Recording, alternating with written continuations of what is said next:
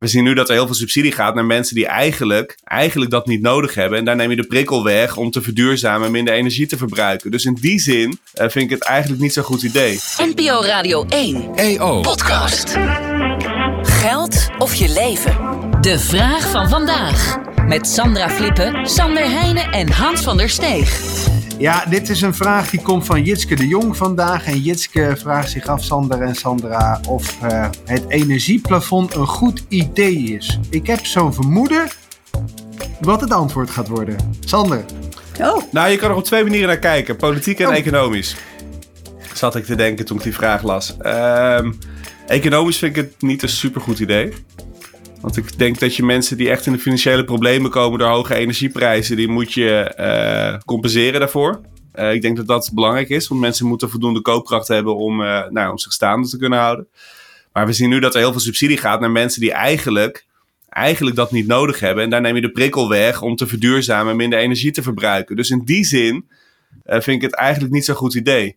Wat ik me wel kan voorstellen, en dat is meer politiek, die hoge energieprijs komt natuurlijk voort uit die oorlog in Oekraïne en de crisis met Rusland. Het is denk ik zowel voor onze belangen, maar zeker voor de belangen van de Oekraïne, maar ik denk ook voor onze eigen veiligheidsbelangen, is het cruciaal dat we Oekraïne blijven steunen. Wat ik denk dat de politieke afweging is geweest, is op het moment dat je mensen niet compenseert hiervoor, nu dat eerste jaar voor die grote klap, dat, uh, dat de rechtspopulistische, uh, al dan niet door Rusland uh, gesteunde oppositie, dat die daar heel veel politiek uh, voordeel uit kan halen. En dat dat ten koste kan gaan van het grotere politieke doel om Oekraïne overeind te houden.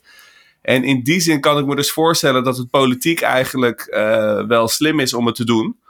Uh, terwijl, en we hebben het er wel eens eerder over gehad, hè, die 20 miljard die we nu gaan overmaken aan subsidies voor fossiele brandstoffen aan huishoudens die dat best zelf zouden kunnen oppakken uh, toch eigenlijk een beetje naar is.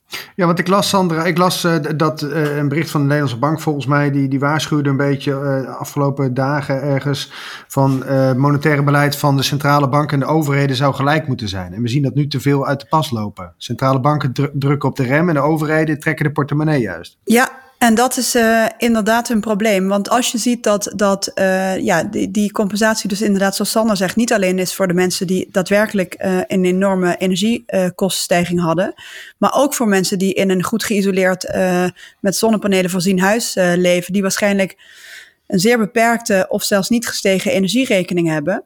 en die mensen ga je um, allemaal compenseren ja, dan gaan uh, mensen een groot deel van het geld ook uitgeven. En dat betekent dat de prijsstijging harder gaat. Dus dat de prijzen harder gaan stijgen.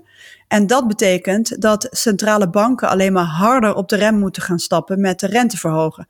En dat betekent weer dat voor mensen hun hypotheekrentes uh, weer omhoog gaan. Dus het voordeel wordt daarmee teniet gedaan. Maar ja, de centrale banken zijn dan eigenlijk voor een deel bezig om de de, uh, de problemen die de overheden creëren weer weg te poetsen. Um, en dat is, uh, dat is zonde van ieders tijd. Um, aan de andere kant denk ik ook, ja, ik vind die argumenten die Sander uh, gaf, geopolitiek, die vind ik wel heel terecht. Ik denk dat het, er moest wel iets gebeuren en het moest ook heel snel. Dus laten we ook niet te hard oordelen naar de regering dat ze hebben gedaan wat ze hebben gedaan. Maar ik denk nog een extra probleem wat zich nu, ja, de mededingseconomen die, die zijn, zich, zijn hierover gaan nadenken. Bijvoorbeeld Marco Haan uit Groningen. En die uh, hebben een stuk geschreven hierover. En wat zij eigenlijk zeggen is dat de overheid, die gaat eigenlijk het verschil tussen de marktprijs en het prijsplafond aan die energiebedrijven betalen. Uh, alleen die marktprijs, ja, dat is niet een, uh, ja, een, een natuurlijk gegeven eigenlijk meer. Dat is niet iets uh, wat, wat onveranderlijk is.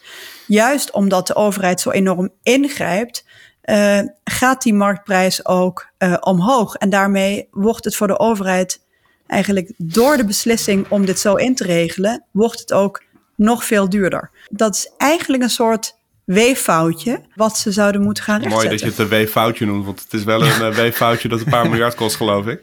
Uh, ja. ja. dus in die ja. zin zou het ook beter zijn geweest, hè, als je om die politieke redenen zegt, we gaan alle huishoudens steunen, om dan toch dat geld over te maken aan die huishoudens zodat ze nog steeds de prikkel voelen Absoluut. om enerzijds, uh, de, de energiebedrijven voelen dan nog steeds de prikkel om zo scherp mogelijk te blijven inkopen.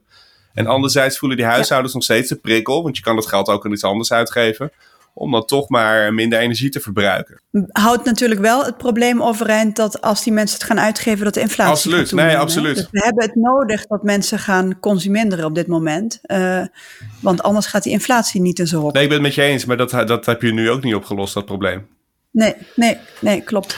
Oké, um, helder. Volgens mij een duidelijk antwoord voor, uh, voor Jitske, die deze vraag instuurde. Dankjewel daarvoor, voor de vraag Jitske. En dankjewel Sandra en Sandra ook voor, voor vandaag. Goed, heb jij ook een vraag aan Sander of Sandra? Of aan allebei natuurlijk, dat kan ook. Uh, mail dan naar podcastradio1.eo.nl. Dit was hem voor vandaag. Morgen weer een nieuwe vraag. NPO Radio 1 EO Podcast.